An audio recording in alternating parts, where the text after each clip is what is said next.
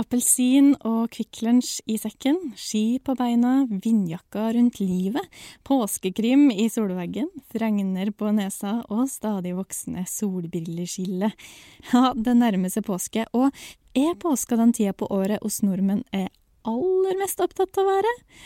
Og hvordan blir egentlig påska i år, som er den andre påska på rad der ting er, for å bruke et velkjent uttrykk her på Meteorologisk institutt, mot normalt?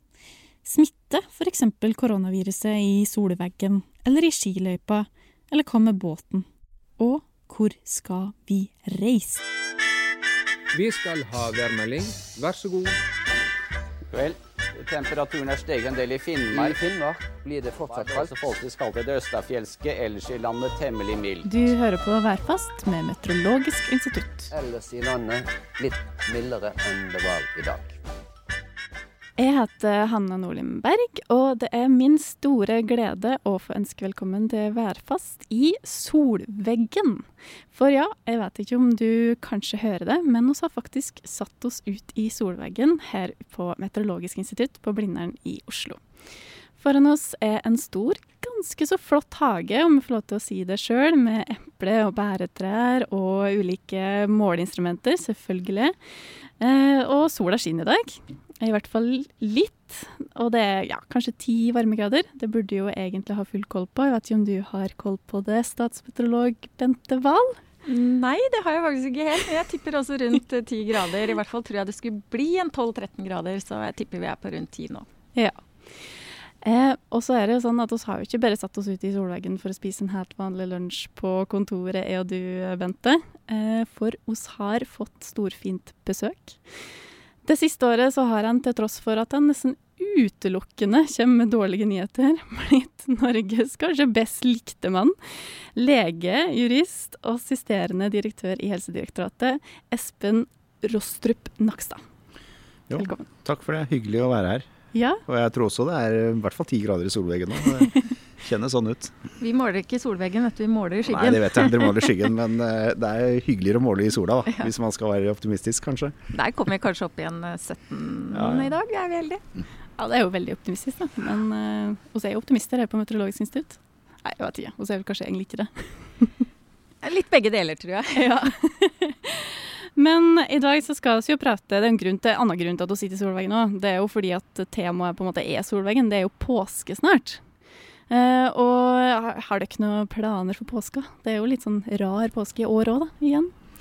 Du, jeg eh, planlegger kanskje å få noen fridager og komme meg eh, et sted hvor det er snø. Eh, og så vet jeg jo kanskje at det blir jobb også hvis jeg er på fjellet eller et annet sted, men eh, få litt miljøforandring er i hvert fall planen. Men jeg vet ikke helt hvordan det blir ennå, faktisk. Ja, jeg tror jeg skal være veldig mye på jobb. Jeg har et par dager fri sånn midt inni der. Jeg håper jo da at jeg tima de, sånn at det er de to fine soldagene man eventuelt får her i lavlandet. Da skal jeg ut med havmøblene. Ja. Men jeg, ja, jeg titta litt på prognosene. Jeg er litt usikker på om eh, det kanskje blir innevær. Er det sånn at dere på Meteorologisk institutt setter opp vaktlistene sånn eh, når det er mindre enn to uker igjen, eller at dere kan eh, Nei. den som Nei, det er ikke det, nei. Hadde Nei. det vært så vel. De ble satt opp veldig lenge i forveien. Ja, da hjelper det ikke med langtidsvarsel, altså. Det hjelper ikke i det hele tatt. Jeg tror ikke månedsvarsler nesten hjelper. Vi setter opp langt i forveien. Så vi må nok som alle andre i dette landet bare ta det vi får. Mm. Men eh, apropos meg sjøl, skulle jeg si, fordi det er jo eh, kanskje mange som ikke bare er værfaste, som jo er navnet på denne podkasten, men koronafaste, rett og slett, denne påska. Har dere, eh, har dere noen tips til på en måte, hva kan en eh, finne på for å få litt sånn påskestemning der en er, rett og slett? Jeg tror jo, Dette var veldig mye snakk om i fjor, faktisk. For da var det jo faktisk hytteforbud, og veldig mange satt jo hjemme i byer og overalt eh, i påsken. Og da var det mye snakk om det. Folk var ganske flinke da, til å skape litt påskestemning. Eh, dro ut i nærmiljøet og ut i skogen og, og gjorde det. Men eh, Og det var jo en sånn trend, husker jeg, at eh, folk spilte jo brettspill i påsken selv om de satt hjemme. Det var veldig rart, men folk gjorde sånne ting faktisk, husker jeg. Og det var noen reportasjer på TV om det også. Så Men, men tror du det blir det samme i år? For i fjor var det vi liksom på starten. Ja. Da var vi veldig entusiastiske. Mm. veldig sånn, Dette skal vi klare, og vi kommer oss gjennom. Og, eh, liksom, vi så en ganske kort horisont. Ja. Eh, Nå er vi litt i andre enden, og litt sånn Eh, jeg er veldig glad i skog og mark og veldig mye ute. Men jeg har altså vært så mye ute i skog og mark dette året at jeg nesten har fått det litt sånn uh, oppi, litt lei, oppi der. Ja. litt ja. lei. Så jeg kjenner liksom ja, da blir det ennå tre timer i skogen i morgen òg, liksom. Det, så jeg er litt sånn, vi er i en litt annen fase nå enn vi var i fjor, kanskje. Vi er nok det. altså Jeg tror uh, entusiasmen med alternativ påske er nok ikke like stor i år, nei. Jeg tror nok folk uh, egentlig er ganske lei det meste med denne pandemien.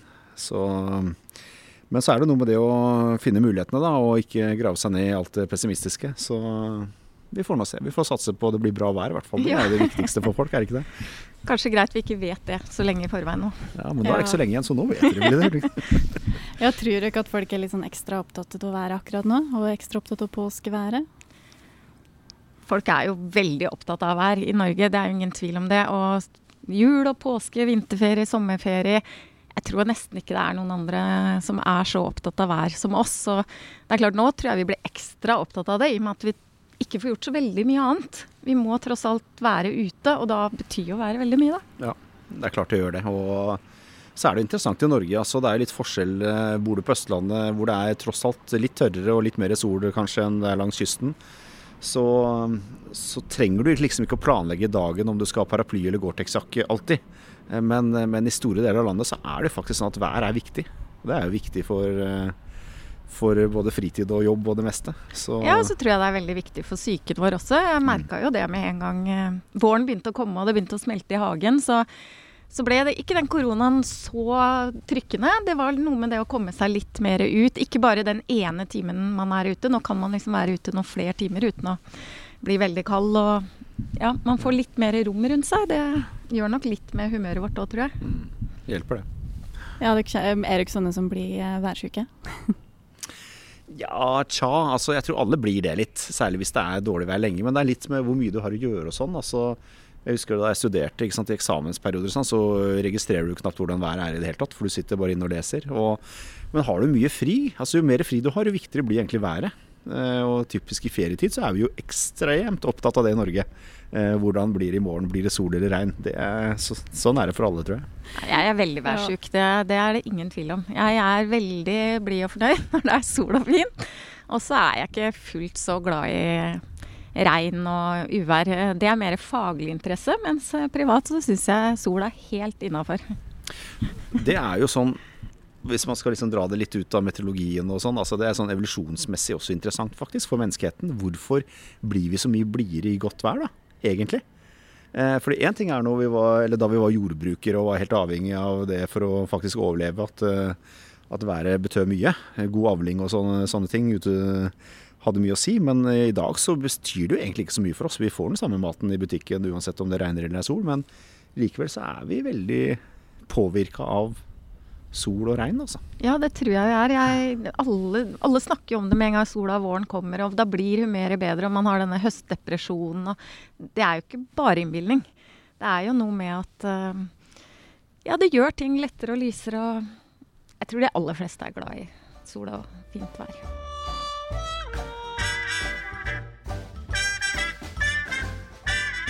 Men, men, eh, jeg har inntrykk av at begge dere to er litt sånn over gjennomsnittet glad i å gå på ski. Stemmer det? Ja, Kanskje? jeg er, en, glad jeg, det, jeg, jeg er ganske gjennomsnittlig, men jeg er veldig glad i å gå på ski. Jeg gjør det. I år syns jeg nesten det også har blitt litt i overkant, for det har blitt mye ja. skiturer òg.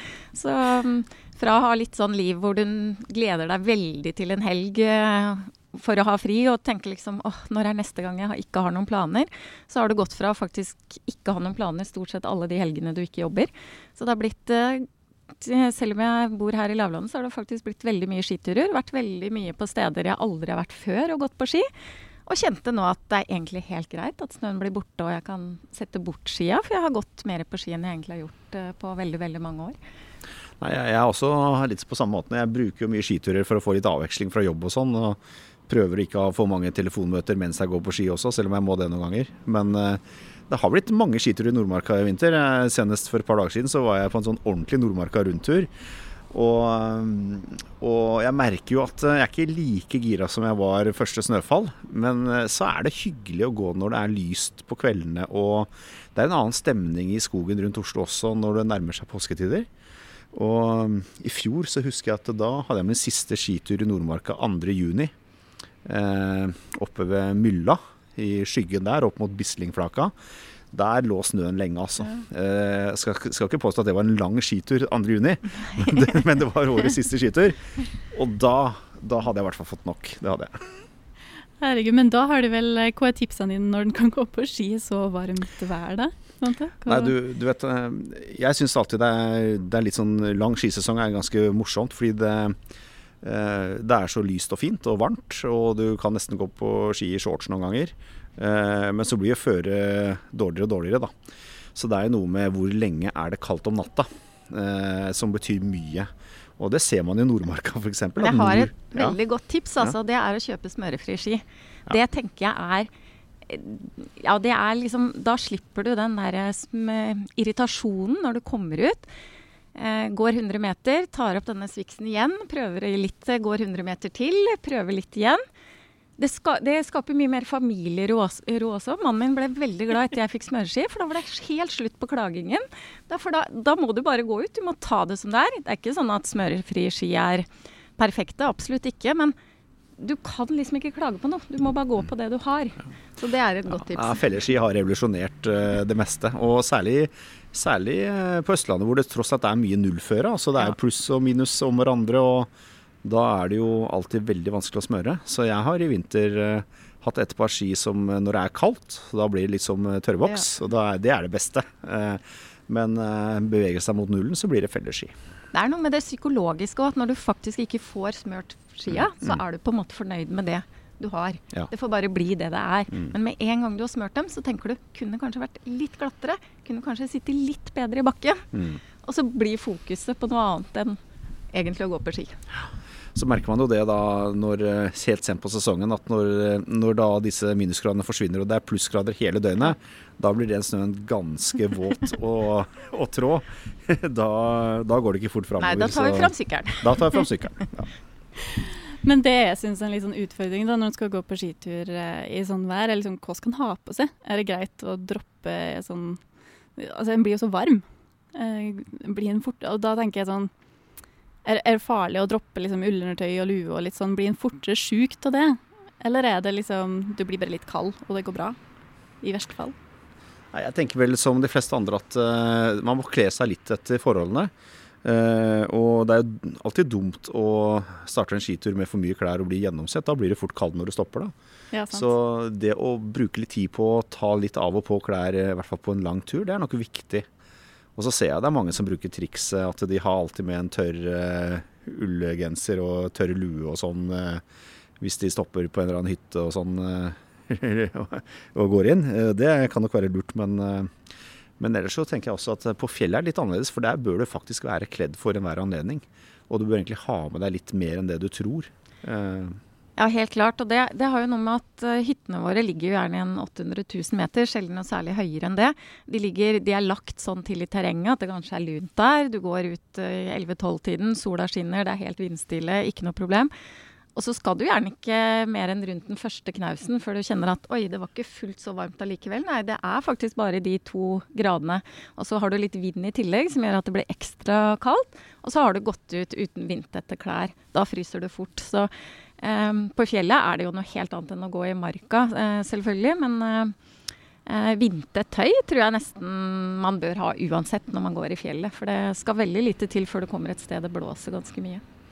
Så ser du jo, Det finnes jo tabeller om sånn nedkjølingseffekt eh, med vind og temperatur, og det er ganske skremmende å se hvor nedkjølt du faktisk blir hvis du ikke har vintertøy og det ja, det er fort ti grader mer. Det og en l- frisk bris, liten kuling. Det er nok det, og det er noe vi har ganske ofte i fjellet. Så, eh, og det, det er litt sånn, Man blir ofte litt lurt når man er i disse hytteområdene òg. fordi Man må ikke glemme at disse er lagt akkurat der fordi det er lunt og godt der. Det er lite vær akkurat i de områdene. Ja, du skal jo ha en solvegg. Du skal ha en solvegg. Ja, ja. Sånn som her i dag. Ja, Ja. sant. Mm. Men hva, hva er tipset ditt da, Bente, hvis du skal sjekke værvarselet? Du er på hytta, og så skal du gå en tur. Hva bør du se etter i f.eks. Y-rappen, da, eller? Ja, det jeg, veldig ofte så sjekker jeg jo selvfølgelig der jeg er. Men sjekk hvis du har en hytte på ja, hvis vi sier 800 meter i Telemark da, og er vant til å sjekke den, så ville jeg sjekka Gaustatoppen i tillegg. Sjekk et utsatt punkt i nærheten av der du er. Et som representerer det vi kaller vind på utsatte steder. For det er da får du potensialet for hvor mye vind det faktisk er. Og appen kan fort vise kanskje bare en to-tre meter i sekundet på hytta di. Eh, mens det blåser da stiv kuling på toppene. Og det vil jo blåse hver gang du kommer rundt eh, for, og blir utsatt for den vindretningen. Eh, er det nordavind og hytta di ligger sånn at den er i le for nordavind, så vil du jo ikke merke den i det hele tatt. Eh, det er kanskje det viktigste, å sjekke flere punkt. Eh, en annen ting er jo at hvis du har sjekka appen ganske mye dagen før, skal ut på en lang skitur dagen etter og ser at den varierer en del da, fra morgen til Så er det et tegn på at det er litt vanskelig vær å varsle. Det er ustabilt vær. Da bør man kanskje være litt ekstra oppmerksom. Um, og så er det litt med, Hvis du er kjent, hvis du skal gå fra øst til vest f.eks. over Hardangervidda, sånn, så må du sjekke noen punkter som ligger på vestsiden av fjellene. For det er alltid et helt annet vær. Uh, mange går jo ganske lange skiturer. Um, og det er jo ikke det at været kommer så sinnssykt fort, selv om det kan gjøre det. Men det er det at vi går kanskje en to-tre mil, noen. Og da bruker vi ganske lang tid. Sånn at det tar mange timer å komme seg tilbake. Så det holder liksom ikke å Ja, du må vite litt både hvor lenge og andre steder. Det er, det er veldig interessant det du sier, og, og jeg syns særlig dette med vestlandsværet, det ser man jo hvis man forviler seg opp på Fanarokken, da, som vel var en av de siste bemannede værstasjonene i Norge, så vidt jeg vet. Ja. Det er vel 2200 omtrent, eh, eller sånn den hytta ligger på. Jeg, jeg husker, ikke, ikke helt nøyaktig. Men uh, der uh, der er, merker man jo veldig forskjell på østland- og vestlandsvær. Altså det skifter, Særlig hurungene, Hurungane. Det skifter jo enormt fort. Ja, så, er du på Geilo f.eks., så kan det være typisk når vi har vestavær med byger som kommer inn mot Finse. Hvis det ikke er så veldig mye vind, så stopper de kanskje ved Finse eller Haugastøl. Eh, og så tar vinden seg litt opp, og så begynner disse bygene å dra seg lenger og lenger østover. Og så kommer de plutselig til Geilo og kanskje helt ned til Ål og områdene der. Og dette er jo områder hvor folk går ganske lange avstander fra øst til vest, som været kan skifte ganske mye. Uh, så det er viktig å være litt kjent i terrenget der du går, og ha litt sånn kunnskap om, uh, om værskiller, egentlig. Mm. Men, men, er det sånn at været skifter fort i fjellet, eller er det rett og slett bare det at en tror at det gjør det, fordi det føles sånn ut? Ja, det skifter nok fort i fjellet, men været er nå på en måte Kommer det inn et værsystem, så kommer jo det inn på Østlandet også. Men det er jo litt sånn at når tåka kommer i fjellet, så har den så mye større konsekvenser enn hvis tåka kommer i Oslo. Du går deg ikke bort om du går Bogstadveien selv om det blir ganske tett tåke. Du har liksom noe å forholde deg til. Men kommer tåka i fjellet, så er det kritt hvitt. du har ingenting å forholde deg til. og veld, du går deg veldig fort bort. Eh, samme hvis det kommer en snøbyge, eller det kan være sol fra skyfri himmel for den saks skyld. Hvis det begynner å blåse og det blir snøfokk, så er det veldig da vanskelig å orientere seg i fjellet. Mens eh, litt eh, snø og snøfokk i Oslo, det, eh, du, finner, du, finner, veien allikevel. Så det er, det er, noe med konsekvensene også. Du får ikke noe white out i Bogstadveien, antagelig? Nei. Men, men, er det liksom Hvis, du, hvis først uhellet ute skulle si, da, hvis du går på tur og du har egentlig sjekka været og, og, du trodde at det skulle gå bra, og, og du har kanskje ikke med deg mobil eller smarttelefon, eller den funker ikke, eller den er utlada, og så eh, ser du at det kommer noen skumle skyer, på en måte. Er det, er det, noe, er det noen måte å, å, på en måte få noe forvarsel, eller å lese været når en er på tur? Fins det noen triks eller noen små tips? Eller er det bare sånn du må bare ta det du får? Jeg tenker at det er litt det som skiller litt erfarne fjellfolk faktisk fra andre. Ja. Eh, du får den, eh, Hvis du har gjort, tatt de forhåndsreglene som, eh, som, du er inne på med å sjekke værmelding på forhånd, selvsagt og sånn, så likevel så klarer du å lese litt når du ser det bygger seg opp en front på baksiden av fjellene. Da skjønner du at noe skjer. Og det å være ydmyk for det, og, og planlegge turer ut fra at du skal ikke på død og liv gå akkurat den ruta for enhver pris. Det er kanskje det viktigste man kan gjøre hvis man skal tenke sånn sikkerhetsmessig. Da. Ja, for du ser jo ofte at disse litt mørke skyene kommer. Du ser jo ofte bygeskyene. Det kan være helt blå himmel på formiddagen, og så begynner de å bygge seg opp. De begynner å komme nærmere vestfra. De blir mørkere og mørkere. Og da er det veldig dumt å vente til de er over deg, fordi du bruker kanskje to-tre timer hjem i forhold til eh, i Oslo kan, eller i en annen by eller i lavlandet hvor det er kort tid å komme seg i le. Så er det det er liksom tidsperspektivet. Og der tror jeg kanskje man kan lære litt mer. At man må på en måte se litt ut i horisonten og se at her begynner det. Selv om dette går ganske sakte, så må man på en måte tenke at man bruker god tid. Det gjelder vel både i fjellet og også på sjøen, for så vidt. Altså, det er jo ikke bare bare å være ute i tordenvær. så følge med på horisonten. På sjøen, og det er akkurat det ja. samme der. Og det er å komme seg tidsnok. Det er vel en fjellvettregler også som sier å grave deg ned i tide. ja. Byd med den gravingen før det er for seint. Liksom. Og det er jo det med å snu og gå tilbake også før Jeg skal ikke si at jeg er så innmari god på det, for jeg er litt sånn jeg òg. At når jeg har bestemt meg for at jeg skal nå det målet, så skal det nås. Jeg hadde en episode hvor jeg skulle gå på Galdhøpiggen. Eh, det var kjempedårlig vær. Eh, jeg hadde ikke vært der. Jeg ville så veldig gjerne opp. Det var tåke. Uh, og jeg tenkte at jeg skal bare opp. Jeg Gikk under tåka til det var igjen uh, noen hundre høydemeter, og kom tett inn i tåka. Jeg tenkte jeg må nå denne toppen. Og ser i ettertid at det var egentlig ikke smart å gå de siste 100 meterne. For jeg ante egentlig ikke hvor jeg var, og jeg var livredd. Jeg gikk ikke engang uh, helt opp på toppen. Jeg snudde ved hytta og bare tenkte at her må jeg ned. Så det er noe med det å ta det på alvor og faktisk snu selv om man har en plan. Mm. Rett og slett se, se, litt opp i himmelen, ikke verre, på en måte? Nei, og så kanskje la eh, hjernen bestemme litt mer enn kroppen. Tenk litt over vindretning også, at uh, går du medvinds lenge, så skal du kanskje tilbake igjen. Uh, jeg husker også en sånn episode, sånn, uh, var sånn 20 år omtrent, hvor jeg gikk en veldig lang, lang treningstur i fjellet. nesten altså uten vindtett egentlig, og bare med litt vann i en rumpetaske. og, og kom ganske langt inn i Jotunheimen, hvor eh, det blåste opp til kuling. Og det var nesten tre mil tilbake i motvind. Det gjør jeg ikke en gang til, for å si det sånn. Det, det lærte jeg ganske mye av. Ja. Det er vel derfor disse episodene sitter litt godt. Man har lært noe av. Det er derfor man husker dem. Det er det. Ja. Men du nevnte sjøen, Espen. Det, det er veldig sånn fremmed for meg liksom, at påske kan bety sjø, for jeg er jo fra tjukkeste innlandet. Mm. Men, men, det er jo kanskje det for mange at det er litt sånn nå er en fin tid å begynne å dra ut på sjøen på? Jeg tror veldig mange i Norge forbinder påske med sjøen. Jeg gjør jo ikke mm. det, men, men, eh, men, jeg har jo eh, et, uh, hatt mange sommerferier hvor jeg har vært mye på sjøen, også med seilbrett ikke minst. Sånne ting. Hele tiden lest vinden hver eneste dag. Alltid vært opptatt av Beaufort-skalaen og lese bølgene ut fra vinden. Men, uh, men påsken er absolutt en tid hvor mange pusser båt og er ved sjøen, tror jeg. Så der er man nok også opptatt av været, og ikke minst eh, setter pris på godt vær når man skal drive båtbuss og sånn, vil jeg tippe. Men er det litt sånn Er det mer ustabilt nå i, langs kysten, eller kanskje er på sommeren? Eller er det litt sånn samme vær uansett? Det er nok mer ustabilt nå. Vi er jo tross alt inne i en sånn overgangsfase fra vinter til sommer, så vi har litt andre utfordringer. Ehm, det kan komme ganske kraftig lavtrykk på denne tida. I morgen venter vi en ordentlig storm inn i Nordland bl.a., eh, som nesten er en ordentlig vinterstorm. Så det er en veldig sånn ustabil tid, og det kan skifte fort. Eh, det kan det jo for så vidt på sommeren også, men da har man litt slappere lavtrykk. Da er det litt andre værmekanismer. Det er gjerne litt tordenvær og ettermiddagsbyger og sånne ting som er lyn og torden. Men uh, akkurat nå i påsketider så kan været skifte ganske fort på sjøen også. Så jeg tror nok det er en sånn Særlig den overgangen her fra vinter til vår er um, mye variabelt vær. Mm. Men jeg var egentlig ikke helt ferdig med fjellet. Fordi det de der fjellvettreglene de snakker jo ganske mye om uh, vær, egentlig.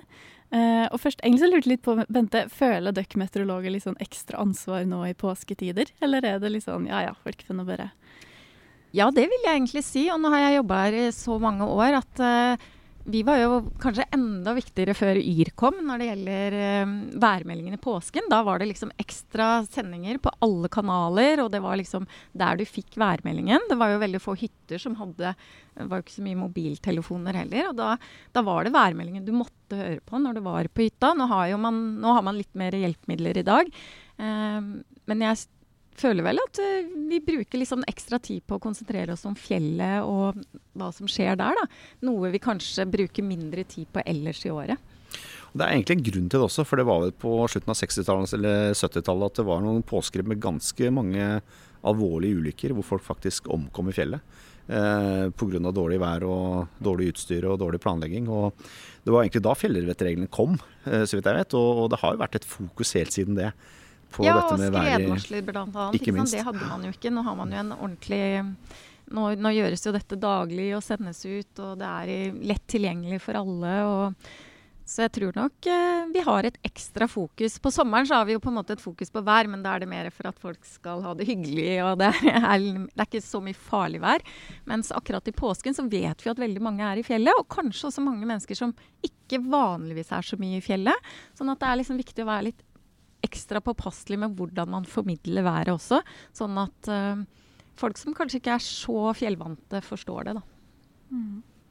Men du nevnte skred, Bente. Er påske sånn høysesong for skredfare? Det kommer jo litt an på været, selvfølgelig. Men uh, det er klart vi er på slutten av sesongen. Det er mars. Uh, påsken er jo slutten av mars eller starten av april. Det er jo, mars er jo gjerne måneden med mest uh, snø de fleste stedene.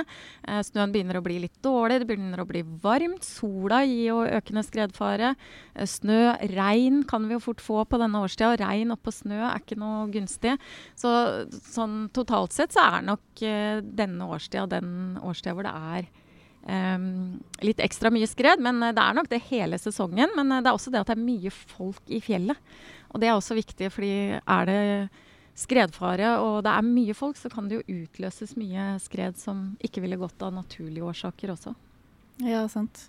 Og jeg har hørt flere meteorologer eh, snakke om litt sånn ja ja, da er det stor skredfare, det er alvorlig, men de fleste ulykkene skjer jo når det er moderat. Ja, moderat og betydelig. Skredskalaen er jo lik som ja. værskalaen. Det er uh, gult, oransje og rødt. Og så er det da uh, betydelig skredfare når det er oransje. Og så er det mod er moderat på gul, betydelig på oransje, og så er det stor skredfare på rødt. Uh, når det er rødt, så er det mye vær. Det er veldig sjelden vi har skredfare rød hvis det er sol og strålende vær. Da er det som regel et kraftig lavtrykk, det er masse vind, det er regn. Da er det ikke veldig mange mennesker som går ut i fjellet. Men på betydelig oransje, da kan det være sånn som i dag. Nå har jeg ikke sjekka, men i går var det i hvert fall betydelig skredfare mange steder. Um, da kan det være stor skredfare, men det er strålende vær. Da mm. tenker kanskje ikke folk like mye på at det å komme seg ut kan faktisk utgjøre en stor fare. Så eh, jeg vil vel si at eh, uten at jeg har belegg for det, så tror jeg veldig mange ulykker skjer på betydelig og ikke stor. Fordi, nettopp fordi det er mye mer folk ute. Og så er det ikke alle som har fulgt med historikken med sklilag og hvordan Nei. det har vært i ukene forut for den turen man skal gå på. Og det kan jo legge mye av grunnlaget for den reelle skredrisikoen, faktisk. Nemlig, for skredfaren mm. er jo ikke bare været, det er jo også hvordan dette har bygd seg opp igjennom vinteren. og du skal jo nesten drive med det her hvis du skal ha fått med deg det, eller være ekstremt opptatt av eh, snø og gå i sånn Hva heter det når man går sånn utenfor løypa? Ja, altså Randonee-turer og det meste og som folk ja, driver med. Ja, da. Og da skal du ha fulgt med hele tiden. og Derfor er det veldig fint at vi nå har fått et ordentlig opplegg rundt dette med skredvarsling. Varsom NVE varsler jo dette litt i samarbeid med Meteorologisk institutt. Og der er det jo folk som følger med på dette hele tiden. Som er ute og tar prøver, måler ned i snøen, måler disse ustabile lagene. Og da kan formidle til oss som ikke får fulgt med fra dag til dag og uke til uke. Og så er det da viktig at vi tar det på alvor, det som faktisk står der. Selv om vi tror at nå ser det veldig bra ut. Så vet vi ikke hva som ligger litt lenger ned. Nei, Varsom-appen også har jo blitt veldig populær blant alle som går i fjellet. Og, og, eh, det er klart at, eh, som du sier, eh, det er ofte et ikke betydelig skredrisiko faktisk på denne årstiden i Norge, særlig i Nord-Norge. Og jeg har gått på turer, toppturer i Nord-Norge hvor, eh, hvor man har sett på den appen omtrent hvert tiende minutt. Men, eh, men det viktigste er også Det endrer seg ikke så fort. Nettopp det. Også, men så er det jo nettopp det med hvor bratt det er, som også har mye å si. da. Og det er jo noe med det å kanskje ha en litt moderat tur hvor det ikke blir like bratte bakker, men hvor vi likevel kan drive god skikjøring, som er noe å ta med seg. kanskje. Nå går jeg veldig lite sånn ski utenfor løypene, for jeg er litt sånn pysete akkurat på det der. For jeg er faktisk veldig redd for skredfare. Men, men, det er jo også en ting i hvert fall som jeg har tenkt på der, at uh, når man går mye Du har kanskje en hytte, du går veldig mye i terrenget der, du er veldig godt kjent, du veit nesten hvor hver eneste lille skrent er. Og så kommer vinteren, og så blir det snø, og da endrer terrenget seg. Og det endrer seg jo ikke likt fra år til år, for dette har jo med hvordan vinden har vært gjennom vinteren. Sånn at det kan plutselig være en ganske bratt skrent der det ikke var det i fjor. Eller der det ikke er det på sommerstid. For dette har jo med vindretningen. Blåser det fra nord, så dannes jo skrenten, snøskrenten på sørsiden. Og så endrer jo dette seg gjennom hele vinteren, og terrenget blir ugjenkjennelig, egentlig. Men, eh, men, hva skal en på en måte se etter, da, for å se etter et terreng som, eh, som er, kan utløse skred? Du skal i hvert fall ikke gå der det er brattere terreng enn 30 grader. Men ellers er ikke jeg noen sånn ekspert på å gå utenfor løypene, så Nei, Heller ikke det, men altså 30-gradersregelen er jo en sånn tomfingerregel. Ja. Men du kan si at uh, kommer du ned til 25 grader lavere, så er det jo betydelig mindre risiko. Ja. Uh, og 25 grader er også ganske bratt mm. hvis du skal stå på ski. Mer enn bratt nok til å ha det gøy.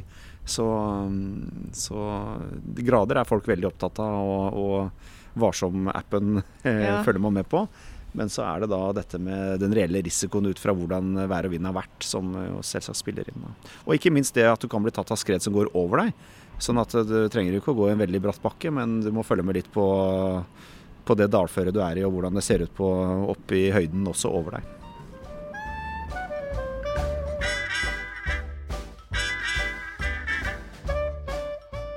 Det er så mye UV-stråling akkurat nå. Er det liksom ekstra nå? Eller hva er grunnen til at det er så mye mas om det?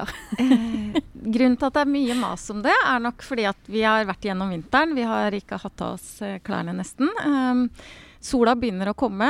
Denne UV-strålingen den er egentlig ja, den er avhengig av ganske mange ting, men det er liksom tre veldig viktige faktorer. Og det er hvor sola står på himmelen. Eh, nå er den på vei nordover mot oss. Den kommer høyere og høyere på himmelen. Eh, disse kortbølgede UV-strålingene de har litt eh, korte vei gjennom atmosfæren jo nærmere det kommer. Men den er jo faktisk sterkest rundt sankthans, for det er jo da sola står nærmest oss. Eh, så den blir sterkere. Men så er det dette med Refleksjon. Refleksjon, refleksjon, men eh, vi har også ozonlaget. Nettopp. Eh, disse solstrålene de er jo ute i atmosfæren, og så kommer de inn i stratosfæren, som vi sier, som ligger over det laget vi har hver.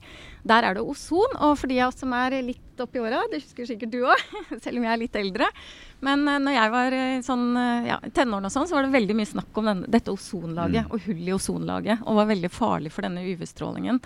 Um, så klarte man, det er jo, syns jeg faktisk er ganske fantastisk, for da klarte faktisk politikere å bli enige om å forbi disse KFK-gassene, som gjorde at dette ozonlaget ikke er så stort problem lenger. Eh, og Det er jo noe å tenke på i disse klimaendringstidene, at det faktisk er mulig å, å få til noe og endre ting. Eh, men selv om eh, vi ikke har dette såkalte hull i ozonlaget lenger, så er det forskjell i mengde ozon. Det varierer litt både fra dag til dag og litt sånn i perioder. Er det lite ozon, så går mye av disse UV-strålingene gjennom denne stratosfæren og kommer inn i vår atmosfære. Og så er det en tredje ting, og det er selvfølgelig været. For disse strålene de skal da passere dette ozonlaget. De som klarer seg gjennom der, de kommer inn i vår eh, troposfære, der alt været er. Og da spørs det om de treffer på noen skyer. Sånne skyer som vi har ute her nå, sånne tynne, høye skyer, det er egentlig bra, for da stopper vi ganske mye av disse UV-strålingene. Hadde det vært helt blå himmel, så hadde de hatt veldig lite motstand på vei ned mot oss. Og det hadde blitt eh, sterk UV-stråling. Så det er de tre faktorene som er viktige, og de varierer jo litt. Så vi kan godt ha én dag med helt skyfri himmel, men ganske lav eh, eh, UV-stråling. Men det kan også være en dag med helt blå himmel og ganske høy UV-stråling. Og så er det det som Nakstad nevnte her, at eh, så har vi dette med refleksjon fra bakken. For dette, nå har jeg snakket om alle de strålene som kommer ovenifra og ned. Og så treffer disse strålene bakken, og hvis de treffer her, som det er gress og jord og stein, så forsvinner de ned og varmer opp bakken, meste av det. Men hvis de treffer på vann eller snø, så reflekteres nesten alt tilbake. Og da blir du ikke brun bare på toppen, da blir du brun også under haka, for da kommer strålene under også. Og da blir du eksponert for dobbel dose. Da får du både ovenifra og nedenifra. Dette er litt fascinerende når du ser de skal brøyte veier i fjellet sånn eh, ved påsketider. og i hvert fall noen steder så legger de fortsatt eh, på en måte jord og altså på en måte Du får sort snø, da, rett og slett, eh, som absorberer da Ja, ja. strålingen og varmer opp og smelter mer. Det er ganske fascinerende å se den tydelige forskjellen på refleksjon på hvitt underlag Ja. og absorpsjon på mørkt underlag, hvordan det faktisk eh, er med å smelte snø, syns nå, jeg. når vi fikk så mye snø her for noen uker siden, og jeg endelig hadde fått måkt terrassen min og fått gjort dette helt klart, og fikk da 30 cm til, så passer jeg på å måke noen sånne hull rundt omkring. For da går snøsmeltinga litt fortere. Å For da varmes de områdene opp, og så får vi litt sånn noe mer av de solstrålene varmer opp, istedenfor at de bare forsvinner ut og snøen blir liggende. Og det merker man jo med en gang man får liksom fram litt asfalt, så går smeltinga mye fortere. Viktig for de som ønsker å ha fri, snøfri terrasse. Ja, det var et veldig godt tips, da. Brøte litt i flekker. Kanskje derfor det blir så varmt i solveggen òg, når du har sånn sort panel og henger Ja. eh, termometeret der. Så Ja, det er kanskje Veldig derfor alle hy- hytter er svartmalt. Ja. ja. Men, men det med sola, det er jo Jeg syns det er litt vanskelig, fordi vi blir fortalt at den skal få seg litt sol, den skal ha D-vitamin, og det er sunt. Men så er det den UV-strålinga. Eh, Hvordan kan du måtte det, det er nok å ha på seg litt solkrem. Det, Jo, du kan si altså Jeg tror for de fleste med hvit hud, eh, så får du mer enn nok D-vitaminer sånn i sommerhalvåret i hvert fall. Og, eh, men det, er jo et problem hvis du har mørkere hud eh, og bor på våre breddegrader, så kan faktisk det med D-vitaminmangel være et problem for barn f.eks. Så nå er det tilsatt D-vitamin i melk bl.a. og sånne ting, så det er jo et problem som er løsbart. Men eh, ellers så er det denne balansen mellom å bli solbrent og ikke solbrent og sånn, som jo vi sliter med her i landet, som alltid har gjort. da. Eh, man ønsker å få brunfarge, men ikke bli brent. Det er en vanskelig balansegang. I praksis tror jeg de fleste eh, som har hvert fall vokst opp på 70-80-tallet, husker veldig godt. Eh, men, ja, det, da, lov, da, brukte vi sånn folie og sånn på 70-80-tall, for da skulle vi ha mest mulig sol. Og når det var på påskefjellet, så jeg husker i hvert fall fra jeg var liten, som har veldig lys hud, så var det jo dette fregneproblematikken. ikke sant? Man, man var jo så hvit, så man fikk jo fregnene først. Så man så jo, var, Faren min sa alltid at får du én fregne til, så er du brun i hele ansiktet. Det var det verste jeg hørte. Nå skulle jeg gjerne hatt litt uh, mer fregner. Men det er jo noe med at uh, når du ikke har blitt utsatt for noe sol fra før, så, um, vel, så, går det seg litt mer til utover sommeren. Så selv om sola er sterkere egentlig ovenfra midt på sommeren, så har vi litt, uh, blitt litt mer robuste, da. Mm. Og Det er jo også interessant når det gjelder snø og påske, at det er klart det er fort gjort å bli solbrent i påskesola. altså, eh, Med den refleksjonen. Og det er faktisk fort gjort å bli snøblind også, hvis du ikke passer litt på. Hvis du er ja. veldig mye ute, helt uten solbriller hver eneste dag, så er det en reell risiko som man kanskje skal tenke litt på. Men du har jo, der, apropos at vi snakka også om folk som er på sjøen, du har jo akkurat det samme mm. på sjøen. For du har samme refleksjon fra sjøen også. Sånn at eh, det er jo derfor man også blir ekstra brun når man er på sjøen om sommeren. Mm. Ikke bare uh, ja, litt mer brun overalt. Da. Mm. Uh, så det er jo like viktig å passe på om man er på sjøen, for det er noe med refleksjonen tilbake. Ja, absolutt. Men jeg snakker Altså, jeg har veldig lys hud. Jeg har rødt hår, for de som hører på. så uh, jeg har blitt mye solbrent i mitt liv. Hvor farlig er det? Du, Nå er ikke jeg hudlege, men Nei. jeg har jo hørt om dette og for så vidt fått de spørsmålene før. Det er klart, Man er jo bekymret for særlig sånn annengradsforbrenning og flere ganger og sånn at uh, langtidseffekten i huden din, da, om du mm. uh, og at det øker risikoen for hudkreft, i hvert fall på sikt. Og da snakker vi ikke et år eller to, vi snakker flere tiår fram i tid. Så jeg tror nok de fleste i Norge har blitt solbrente flere ganger. og, og det med å sjekke føflekker og sånn annethvert år eh, er jo et godt råd for nordboere som, eh, som sliter med det.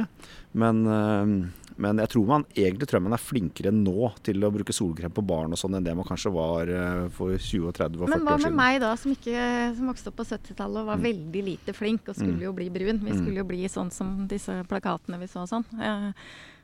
Er det, er det, håp? Er det på en måte noe vits at jeg gjør det nå, eller er det for seint i og med at dette er langtidsvirkning? Jo, jeg tror det alltid er et, uh, alltid er et poeng, og, også når man er eldre. Ja. Uh, fordi det er jo noe med tilleggsrisiko her, og ser du ti år fram, så, så, kan det kanskje spille rolle.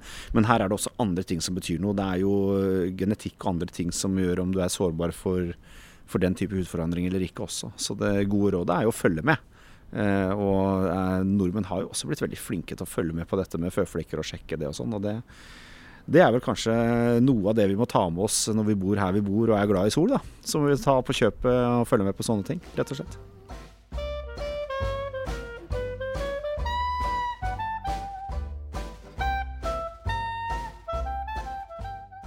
Vi nærme oss at tida vår begynner å bli ute, men eh, det er jo et viktig tema som vi på en måte var litt innom i starten, som vi må tilbake litt til. Fordi eh, det er jo spesielt en, god, nei, altså en ting du er spesielt god på eh, for tida, Espen. Og det er vel koronaviruset.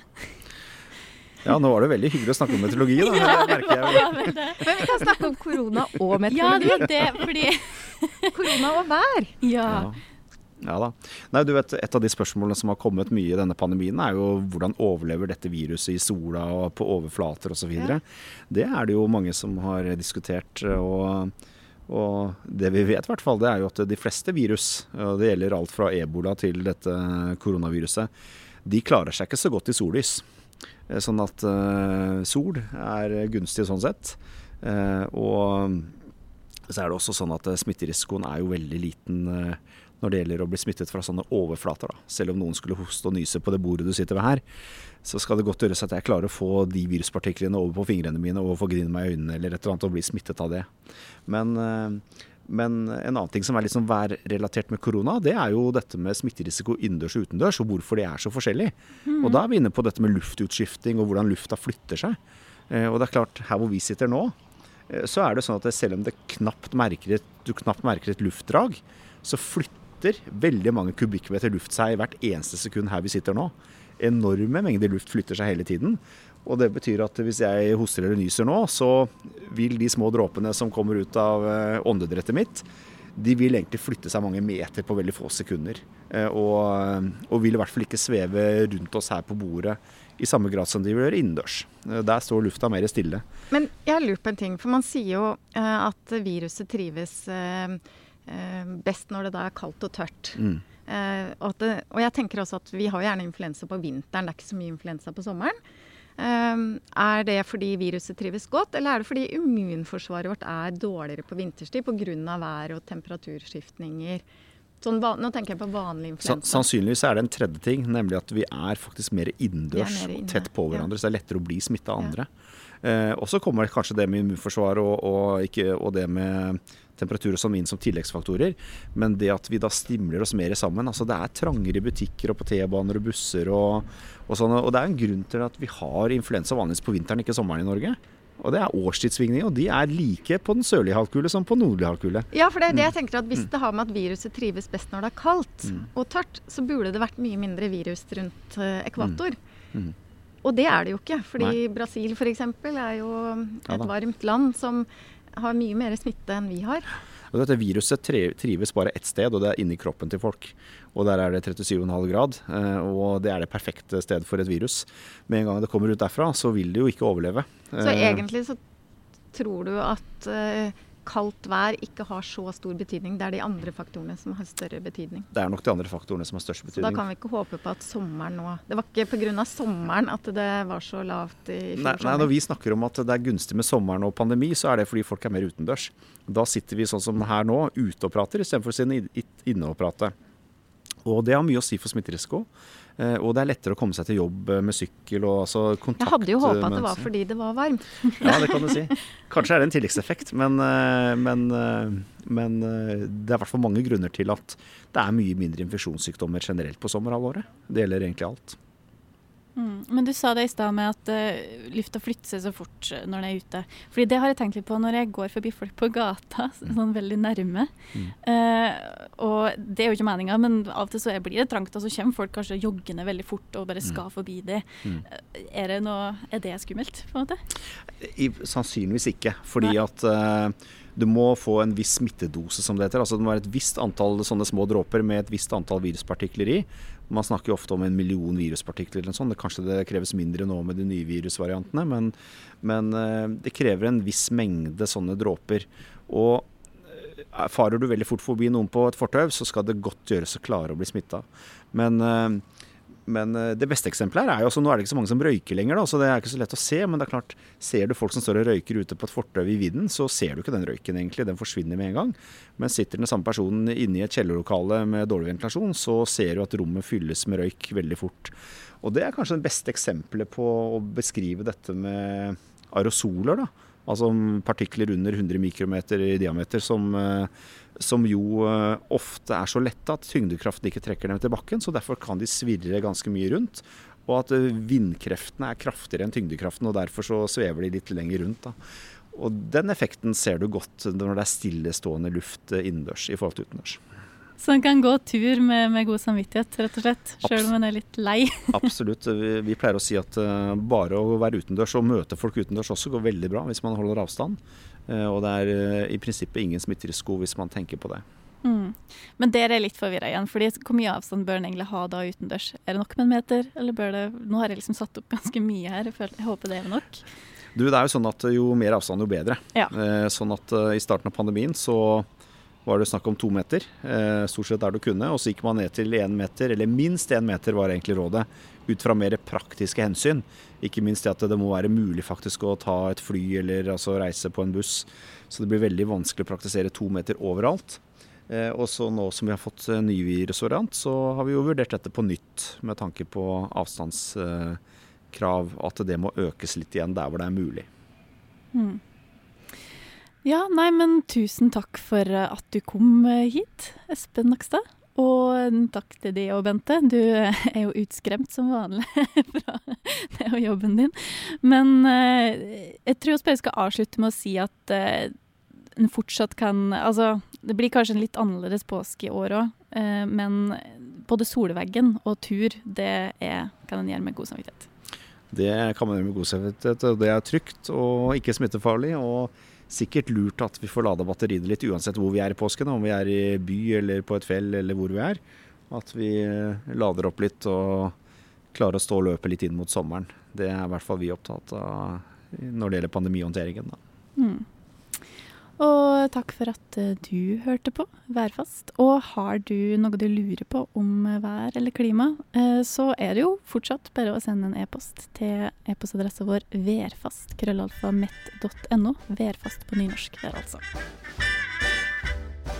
Denne episoden er produsert av meg, Hanna Nordlien Berg, med bidrag fra Therese Norum, Bente Wahl og Mette Sundvor Skjærdal.